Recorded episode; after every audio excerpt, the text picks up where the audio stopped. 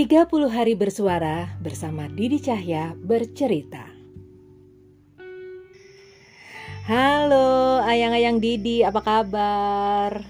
Seneng banget deh ketemu lagi di hari ke-6 Ya hari ke-6 dari 30 hari bersuara bersama Didi Cahya bercerita Berhubung ini nggak tahu hari ini berbeda dengan kemarin ya Kemarin itu waktu rekaman podcast atau senior ya. Kalau pakai bahasa Indonesia-nya senior.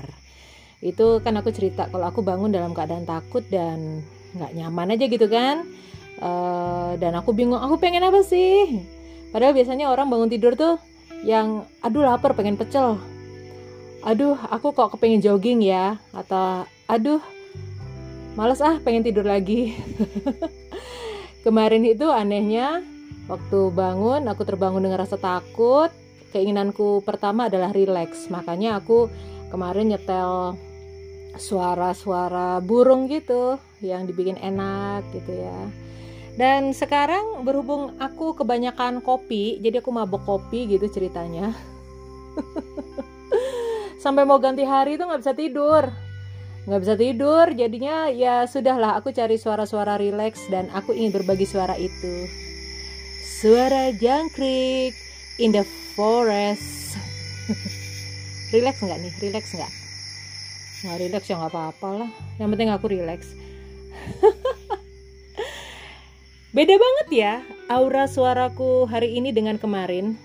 Karena uh, sebenarnya hari ini tidak jauh berbeda sih dengan apa yang terjadi kemarin. Tetap berat, tetap ada tugas-tugas yang harus aku selesaikan, tetap banyak hambatan, tapi uh, karena aku ber, berangkat atau memulai pekerjaan itu dengan niat untuk apa ya menyelesaikan tugas-tugasku dan rileks akhirnya malah kebablasan. Rileksnya sampai malam kayak gini aku kadang-kadang kalau ngerasa nyaman itu malah nggak bisa tidur karena kenyamanan itu membuat apa ya otak kreatifku tuh tiba-tiba muncul. Apalagi aku dulu pekerja malam. Apalagi tahu bahwa di hari ke-6 ini temanya adalah pertemuan ya? Pertemuan atau perjumpaan sih? Pertemuan hari ini. Perjumpaan ya kayaknya ya. Seingatku tuh begitu. Nah kenapa kok aku antusias? Karena eh karena ada cerita tentang perjumpaan. Ecie ecie kan aku aku bilang uh, bahwa uh, di 30 hari bersuara ini aku juga akan mengungkapkan hal-hal yang mungkin tidak pernah aku ceritakan di medsos mana pun, termasuk tentang perjumpaan. Uh, disclaimer, aku ngomong dulu di depan ya. Apa yang aku sampaikan ini ter termasuk berisiko, apalagi jika yang bersangkutan itu mendengar. Karena seumur hidupku aku tidak pernah mengungkapkan ini di media sosial, bahkan uh, mungkin juragan pun yang 10 tahun hidup bersamaku juga nggak tahu tentang kejadian ini. Yang jelas dalam perjumpaan ini aku ingin membahas tentang love at the first sight. Cinta pada pandangan pertama. Jadi lu ketemu sama orang gabruk gitu, tiba-tiba I love this guy. Itu yang terjadi sama aku. Wait. Itu kenapa aku antusias dengan tema ini, perjumpaan. Jadi Gini ceritanya ya, ayang-ayang Didi. Waktu itu, sekian puluh tahun yang lalu, Allahu Akbar gue tua banget. Aduh, kesel banget gue. Jadi, uh, ini terjadi di semester pertama aku kuliah di Undip Semarang. Jadi aku kuliah milih ekstrakurikuler waktu itu ekstrakurikuler yang aku pilih adalah paduan suara. Kenapa? Karena aku suka nyanyi udah gitu aja. Mau ikut pencak silat juga dipukul orang aku nangis mau ikut menwa aku aku jijik sama cacing-cacing atau apa gitu nanti aku disuruh berangkang dosor di tanah gitu aku nggak mau. Ya akhirnya aku milih ekstrakurikuler paduan suara karena aku suka nyanyi. Sesimpel itu sesederhana itu.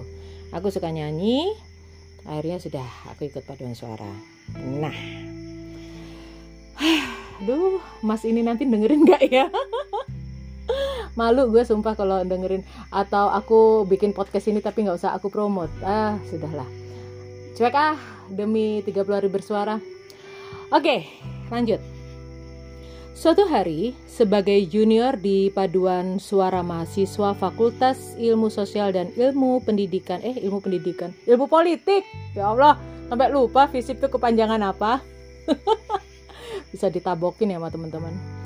Sebagai anggota paduan suara visip undip yang junior, ya aku belum punya pengalaman apa pun.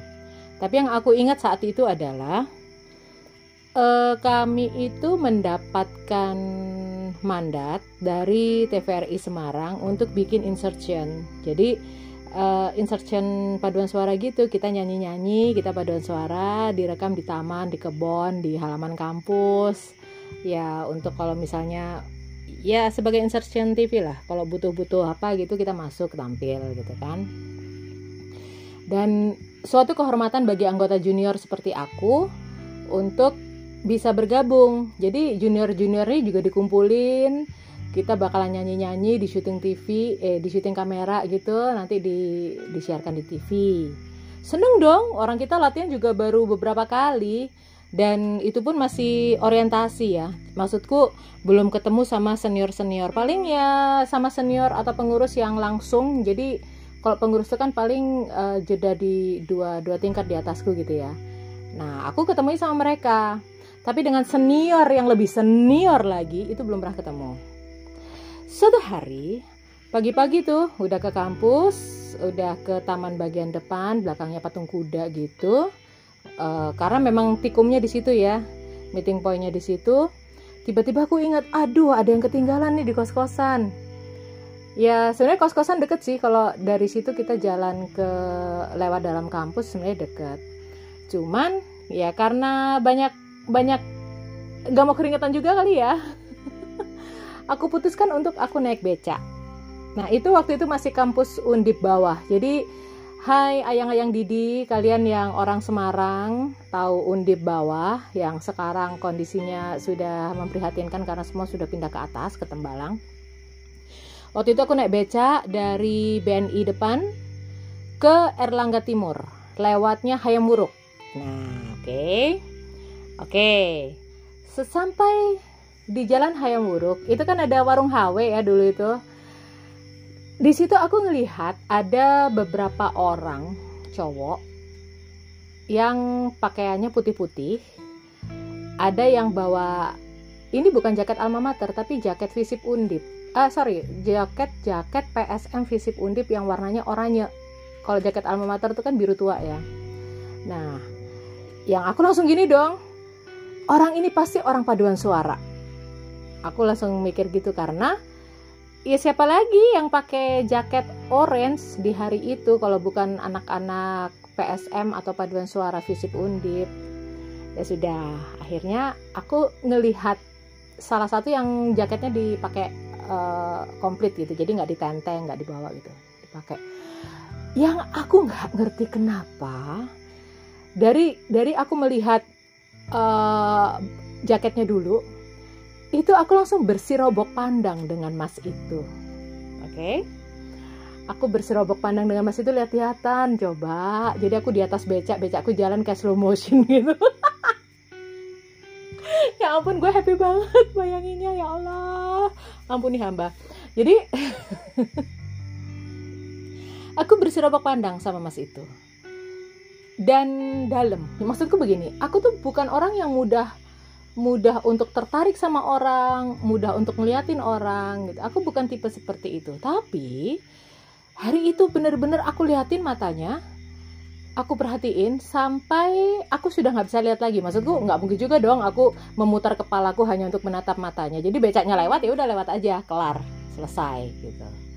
Sudah, akhirnya barang yang ketinggalan di kos sudah aku ambil, aku balik lagi ke lokasi syuting dan aku ketemu lagi dong sama mas itu. Dan ya Allah mata nakalku ini nggak mau beralih, maunya ngeliatin dia terus, please deh. Yang aku juga bertanya-tanya, eh kenapa sih nih orang kok uh, selama latihan nggak pernah ketemu tapi tahu-tahu dia muncul di sini. Nah, udah. Ternyata usut punya usut dia memang senior sangat senior sekali. Jadi selisih tiga angkatan sama aku. Selisih tiga angkatan dan selisih tiga angkatan itu sudah tidak menjadi pengurus. Jadi dia occasional aja lah. Dia latihan dan tampil di paduan suara hanya pada saat-saat tertentu. Karena dia juga udah di semester akhir kan hitungannya gitu. Ya sudah. Dan akhirnya aku tahu ternyata dia uh, kakak kelas satu jurusan nah, menyenangkan ya kakak kelas satu jurusan. Jadi uh, kalau misalnya aku ada urusan sama jurusan ke kantor jurusan ketemu sama dia lagi uh, konsultasi skripsi lah apalah apalah. Atau kadang-kadang ikutan ini apa namanya kalau ada mata kuliah yang dia ngulang. Tapi jarang jarang saking jauhnya jarak ya aku nggak pernah. Kayak seingatku aku nggak pernah satu mata kuliah sama dia. Tapi ada di di ada masa di saat aku itu sering ketemu sama dia. Nah apa yang terjadi kalau ketemu? Ya Allah benar-benar gue juga heran deh sama diri sendiri. Lihat lihat lihat lihatan jadi bukan yang aku ngeliatin dari kejauhan terus dia nggak ngeliatin enggak. Jadi sama dia tuh bener-bener lihat-lihatan. Atau kalau enggak aku ngeliatin dia dia nggak ngeliat aku lagi nunduk dia lagi ngeliat. Nah itu diperkuat dengan pernyataan sahabat-sahabatku. Jadi aku dulu itu segerombolan perempuan berenam yang memasang radar masing-masing. Jadi kalau misalnya ada lelaki yang mendekat radar kita tuh langsung nyala gitu. Jadi Iya saat aku lagi nggak ngapa-ngapain terus teman-temanku tuh ada gitu yang ada aja nyolek. Ning diliatin tuh. Jadi sekali lagi dari masa aku SD sampai kuliah selesai orang-orang tuh manggil aku Nining panggilan nama anu apa nama kecilku. Ning kamu diliatin tuh sama masnya? Iya tah terus pelan-pelan dong. Eh terus bersirobok pandang terus sama-sama buang muka gitu malu gitu ya. Oh my god I'm I miss that feeling. Banget banget banget banget. Aku aku rindu suasana seperti itu. Lihat-lihatan terus tersipu malu terus udah kelar gitu logikanya ya ayang-ayang Didi logikanya. Biasanya sih kalau kayak gitu kalau udah masuk FTV masuk drama Korea gitu kan seharusnya adalah orang-orang yang saling suka dan saling taksir ya. Seharusnya. Seharusnya. Tapi yang terjadi adalah kok iya beberapa lama beberapa semester aku bertemu sama dia sebelum akhirnya dia lulus ngono It, hanya itu yang terjadi hanya beradu pandang? Sudah. Nggak ada yang nyapa duluan nggak ada yang apa. Kalau aku aku tuh gini. Semakin aku suka sama orang semakin aku kagum sama orang aku semakin bisu aku nggak bisa ngomong. Ya jadi hai para lelaki kalau aku masih bisa ngobrol dan ngomong dengan lancar dengan kalian ya ya ya. Camkan ini camkan itu berarti perasaanku sama kalian tuh ya ya biasa aja. I'm not your admirer.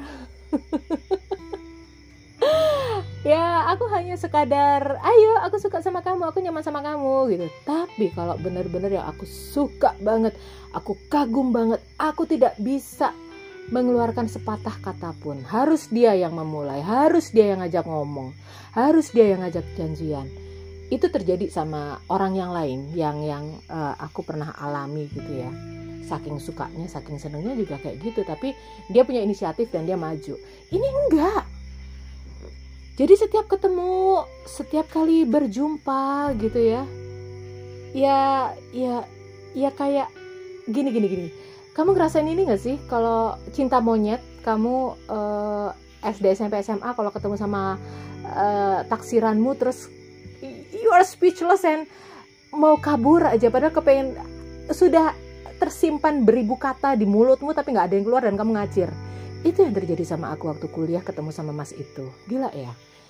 Jadi dari awal perjumpaan dengan kondisi kami hanya saling be, saling berpandangan dan aku langsung jatuh cinta sama dia di pandangan pertama sampai sekian bulan sekian tahun ngono tok nggak ada movement nggak ada perubahan perilaku hanya saling pandang bersirobok pandang udah selesai kesel ya itu terus berlangsung sampai akhirnya dia lulus. Nah, ini dia. Hah, diceritain nggak ya? Waktu dia lulus, dia wisuda. Aku posisiku sudah menjadi ketua paduan suara fakultas waktu itu. Sudah atau belum sih? Lupa aku. Pokoknya pokoknya ah, kayaknya belum deh. Eh aku lupa lupa lupa lupa. Apakah aku sudah jadi ketua paduan suara atau belum? Tapi yang jelas begini. Setiap ada anggota paduan suara yang lulus akan selalu ada persembahan dari kami para junior penghormatan kami dari para junior kepada para senior yang lulus jadi ya kami menyanyikan lagu untuk dia gitu. Itu adalah hari terberat dalam hidupku waktu itu saat dia wisuda. Dari pagi dari aku pakai jaket paduan suara, aku udah nangis karena aku ngerasa abis ini aku nggak ketemu lagi deh sama dia. Abis ini aku nggak pernah bisa papasan sama dia di koridor jurusan. Habis ini rasanya udah nggak ada lagi yang bisa aku pandang-pandangin dan membuat aku tersipu malu. Itu yang aku rasakan. Nangis. Jadi, oh my god. Rasanya tuh terasa banget loh. Aku cerita ini masih kerasa banget ya. Iya Allah grekel aku tuh temenan. Jadi aku nangis. yang aku memaksakan diriku untuk bernyanyi saat itu karena Itulah persembahanku terakhir sebagai junior di paduan suara, sebagai junior di jurusan, sebagai junior di fakultas dan secara pribadi aku mengatakan bahwa ini persembahan pribadi dari aku yang suka sama kamu, Mas. Gitu. Oke. Tarik nafas dulu. Ambaan sih ya. Udah. Dan di hari itu ini sekalian flashback ya sama hubunganku dengan uh, juragan.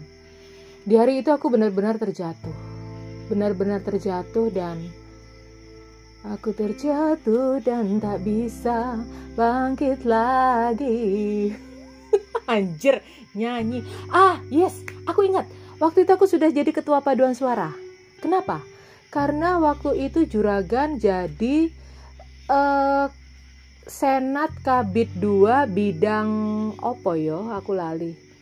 Jadi aku itu unitku itu di bawahnya juragan dan kalau wisuda uh, bukan bukan kalau wisuda ya karena dia orang senat ya. Jadi kalau ada acara wisuda dia datang. Nah, kok jadinya cerita juragan ya? Tapi nggak apa-apa deh, masih ada kaitannya sendiri sedikit gitu ya. Aku nggak tahu juragan tuh tahu nggak sih kalau aku suka sama dia? Aku nggak ngerti. Yang jelas, Mas itu satu kos sama juragan oh my god jadi waktu mas itu lulus juragan tuh baru pindah ke kos-kosan itu oke okay? aku nggak ngerti juragan itu tahu nggak tahu atau tidak perasaanku sama mas itu yang jelas waktu hari dia di wisuda itu adalah hari tergelapku saat itu. Aku menangis nangisku.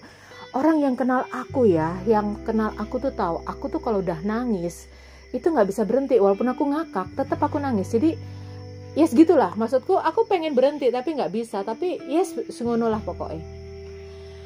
Jadi selesai acara juragan jemput aku ibaratnya saat aku terjatuh dia yang megang aku dia yang nampani aku dia yang menghibur aku dia yang apa apa apa gitulah ya uh, intinya adalah saat itu aku berkata dalam hatiku dan pikiranku it's all over. Ini semua selesai. Kenapa? Sampai dia lulus, sampai dia wisuda, sampai dia meninggalkan kampus, nggak ada movement sama sekali. Dan aku nggak tahu maksud kamu ngeliatin aku itu apa. Oke, oke, oke. Katakan aku GR ya. Katakanlah aku itu GR. Tapi kenapa teman-temanku bilang kalau kamu itu ngeliatin aku? Kenapa teman-temanku bilang kalau kamu itu memperhatikan aku. Itu kan itu bukan aku loh yang ngomong teman-temanku tapi kenapa kamu nggak nyapa aku? Kenapa kamu nggak yang ya cuman ngeliatin aku dan saat kamu lulus semua selesai. Udah. Udah selesai gitu aja. Nggak ada apa-apa. Itu pertanyaan besar terbesar dalam hidupku sampai sekarang. Cuman bedanya kalau dulu penasaran terus aduh kenapa sih ini gini gini gini? Kok dia nggak yang itu dulu. Kalau sekarang aku cuman ya mas opo ose kondisi aku kayak ngono? Kerasa ya bedanya ya. Jadi maksudku lu jawab pertanyaan ini atau kagak kagak ada pengaruhnya sama hidup gue gitu. Cuman ya memang ada rasa penasaran itu. Oke sudah. Sampai akhirnya uh, bertahun-tahun berlalu dan aku aku putus kontak sama dia. Udah nggak ketemu lah gitu. Nggak ketemu aku nggak nyari informasi tentang dia. Tapi aku akui selama aku kuliah dia termasuk salah satu laki-laki yang menggoncang perasaanku yang tidak diketahui oleh orang banyak kecuali lingkaranku berenam itu gitu ya. Maksudku teman-temanku yang sekarang tuh tahu lah aku dulu naksir siapa pacaran siapa. Tapi mas ini tidak ada satupun yang tahu mas ini nggak ada satupun yang tahu kecuali kami berenam. Itu pun kalau mereka ingat. Itu pun kalau mereka ingat. Oke okay, selesai sudah bertahun-tahun selesai. Thanks to algorithm. Jadi algoritma itu membawaku di medsos untuk bertemu lagi sama dia. Bagaimanapun kami se sempat sekampus kan? Bagaimanapun ada mutual dia dengan aku kan? Nah itu yang membuat aku kembali berjumpa dengan dia melalui medsos. Nah kamu tahu nggak ayang-ayang Didi reaksiku waktu menemukan dia di medsos tuh kayak apa ya Allah ya kayak dulu pertama berjumpa ada seperti magnet yang aku menatap masuk ke dalam medsos dia gitu. Serius.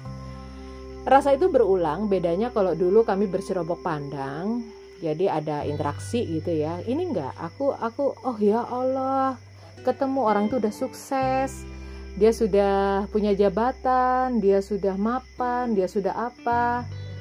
Yang yang keadaan berbalik. Kalau dulu aku yang pede banget naksir dia gitu ya. Yang sekarang walaupun aku nggak pernah ketemu sama dia tapi aku ya beberapa kali berinteraksi melalui komen-komen gitu ya. Aku memantau dia. Jujur aja aku stalking dia. Masalah dia stalking aku atau enggak aku nggak ngerti. Perasaanku tuh masih seperti yang dulu dalam artian ya ampun mas ini uh, as an admire ya mungkin be akhirnya berbeda gitu loh jadi waktu aku berjumpa dia pertama kali bisa jadi itu adalah love at the first sight tapi saat aku bertemu lagi dengan dia melalui medsos, aku akhirnya menjadi pemuja rahasia dia gitu. Aku menjadi his secret admirer. Aku nggak tahu apakah dia mengetahui perasaanku, termasuk saat aku berinteraksi sama dia di medsos. Aku suka nge-like postingan dia, aku suka nyapa-nyapa dia, berkomentar, dan dia selalu membalas komentarku. Ya, seperti halnya dia melakukan di komen-komen yang lain. yang jelas I'm so happy that I find him again walaupun cuma lewat medsos walaupun kami tidak berinteraksi secara langsung tapi ada satu perasaan menyenangkan saat aku bertemu dengan orang yang saat pertama berjumpa aku langsung jatuh cinta love at the first sight.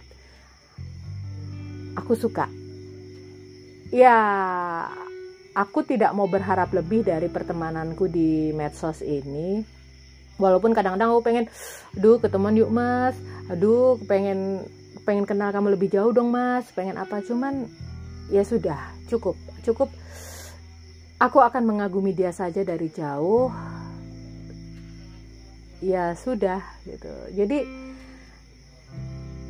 ya ada yang berbeda lah saat aku pertama berjumpa dengan uh, secara real di dunia nyata yang aku langsung jatuh cinta sama perjumpaanku dengan dia di medsos. Yang jelas aku happy. Yang jelas aku happy. Dan aku nggak tahu dia statusnya apa punya anak atau enggak dia itu sometimes I have a note uh, apa ya punya pikiran nakal tuh gini he's straight or not kayak gitu ya but yes begitu banyak pertanyaan di kepalaku yang tidak ingin aku sampaikan ke dia. Cukup aku ngagumin dia dari kejauhan aja. Seperti dulu aku mengagumi dia saat berpapasan di koridor kampus, saat aku bertemu dia berpapasan di depan kelas selesai selesai mata kuliah, ya gitu-gitu aja lah. Dan apakah aku menginginkan perjumpaan berikutnya? Yes, of course, I want it. Aku ingin ketemu dia lagi, tapi aku tidak bisa menjamin saat aku bertemu dengan dia aku bisa menjadi orang yang asik untuk dia. Entahlah, aku nggak pede, sumpah aku nggak pede pekerjaan dia bagus posisi dia bagus. Aku melihat dia tuh seperti mercusuar gitu ya. Dari kejauhan dia ada di ujung sana menerangi banyak orang. Sementara aku dempis nang pojokan delok mercusuar ketap ketip. Aku nggak pede. Tapi aku menikmati interaksiku dengan dia melalui medsos Gimana dengan kalian ayang-ayang Didi? Ada nggak sih perjumpaan dengan seseorang yang membuat kalian langsung jatuh cinta pada pandangan pertama? Ayolah. Bagi-bagi cerita. Abis ini kan aku posting di medsos ya.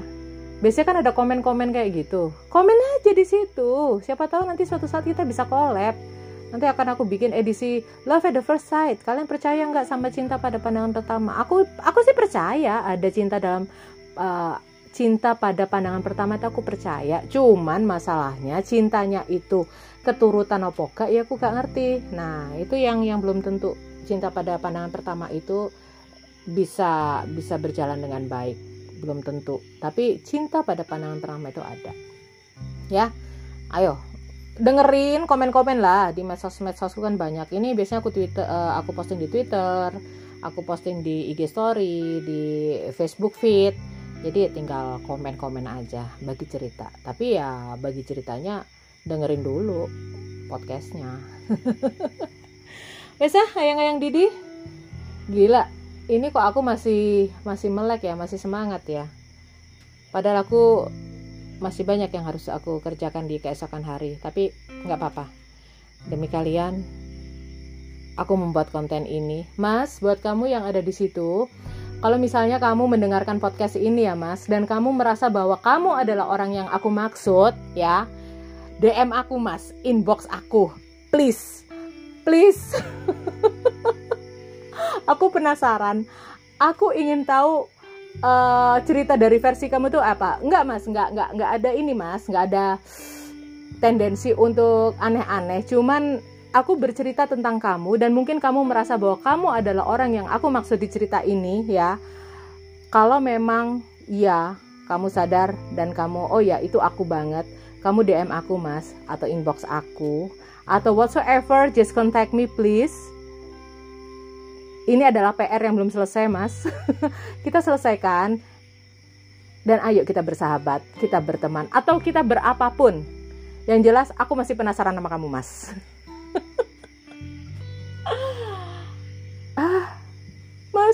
Dengerin podcast ini. Oke, okay, baiklah. Itu ya, ayang-ayang Didi, tema perjumpaan kali ini spesial karena ini adalah sekali lagi aku ulang seperti yang aku sampaikan di awal tadi bahwa ini adalah satu cerita yang tidak pernah aku ungkapkan pada siapa pun di medsos mana pun. Jadi spesial banget kalau kalian mendengarkan cerita ini dan spesial banget buat kamu Mas yang mendengarkan ini, ayo berinteraksi denganku melalui DM. Cukup sampai di sini ayang-ayang Didi. Kita ketemu lagi besok di hari ketujuh dengan tema Endi mau catatan yo, eh sembuh lah pokoknya besok ade ketemu mana nggak rugi kalau ayang-ayang Didi mendengarkan 30 hari bersuara tantangan dari thepodcasters.id ya sampai dengan 31 Desember nanti dalam Didi Cahya bercerita. Sekali lagi ya, sekali lagi nggak akan rugi kalau kalian mendengarkan episode per episode dari tanggal 1 sampai dengan 31 Desember 2020 dalam Didi Cahya Bercerita. Bye. Lanjut dengerin suara jangkrik ah.